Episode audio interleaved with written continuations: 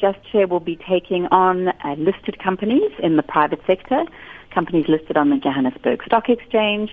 And as a result of their listing on the Johannesburg Stock Exchange, there are all sorts of corporate governance and other rules that they are required to adhere to, and that their shareholders are required to make sure they're adhering to. But we feel, as do many others in the civil society space in South Africa and many other people who are interested in social and environmental justice, that shareholders are not doing their jobs in this regard. And so Just Share is really going to be a platform to change that.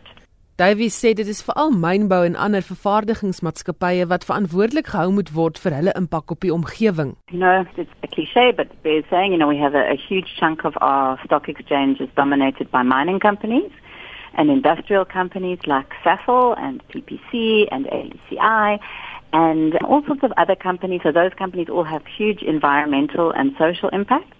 And then there are lots of other companies that have, I mean, all companies have environmental and social impacts, of course, but some more than others. So when we look at a company like Net1, CPS, which was was and continues to be involved in all the shenanigans around SASSA and social grants. Um, this is a private company that has an impact on the lives of something like 11 million South Africans. And as we saw when the whole scandal happened, it has a very negative impact on those lives in many respects. But that is a listed company. It has shareholders who are invested in that company and who have obligations to ensure that that company is not acting to the detriment of all those people.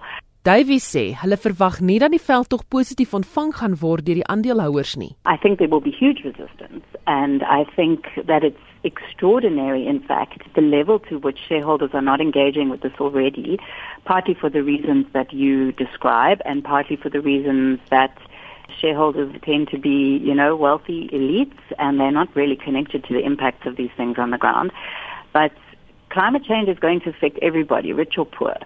And this is already playing out in more sophisticated economies um, all over the world where pension funds and activist shareholders are saying, you know, you actually can't, you can't be involved in coal anymore. It's just crazy. It's the largest contributor to climate change. Climate change is clearly already having a massive impact on us all over the globe. Um, and yet in South Africa, we're still happily going along building more coal mines, planning many, many privately funded new coal-fired power stations, as if we live on a different planet from everybody else in the rest of the world.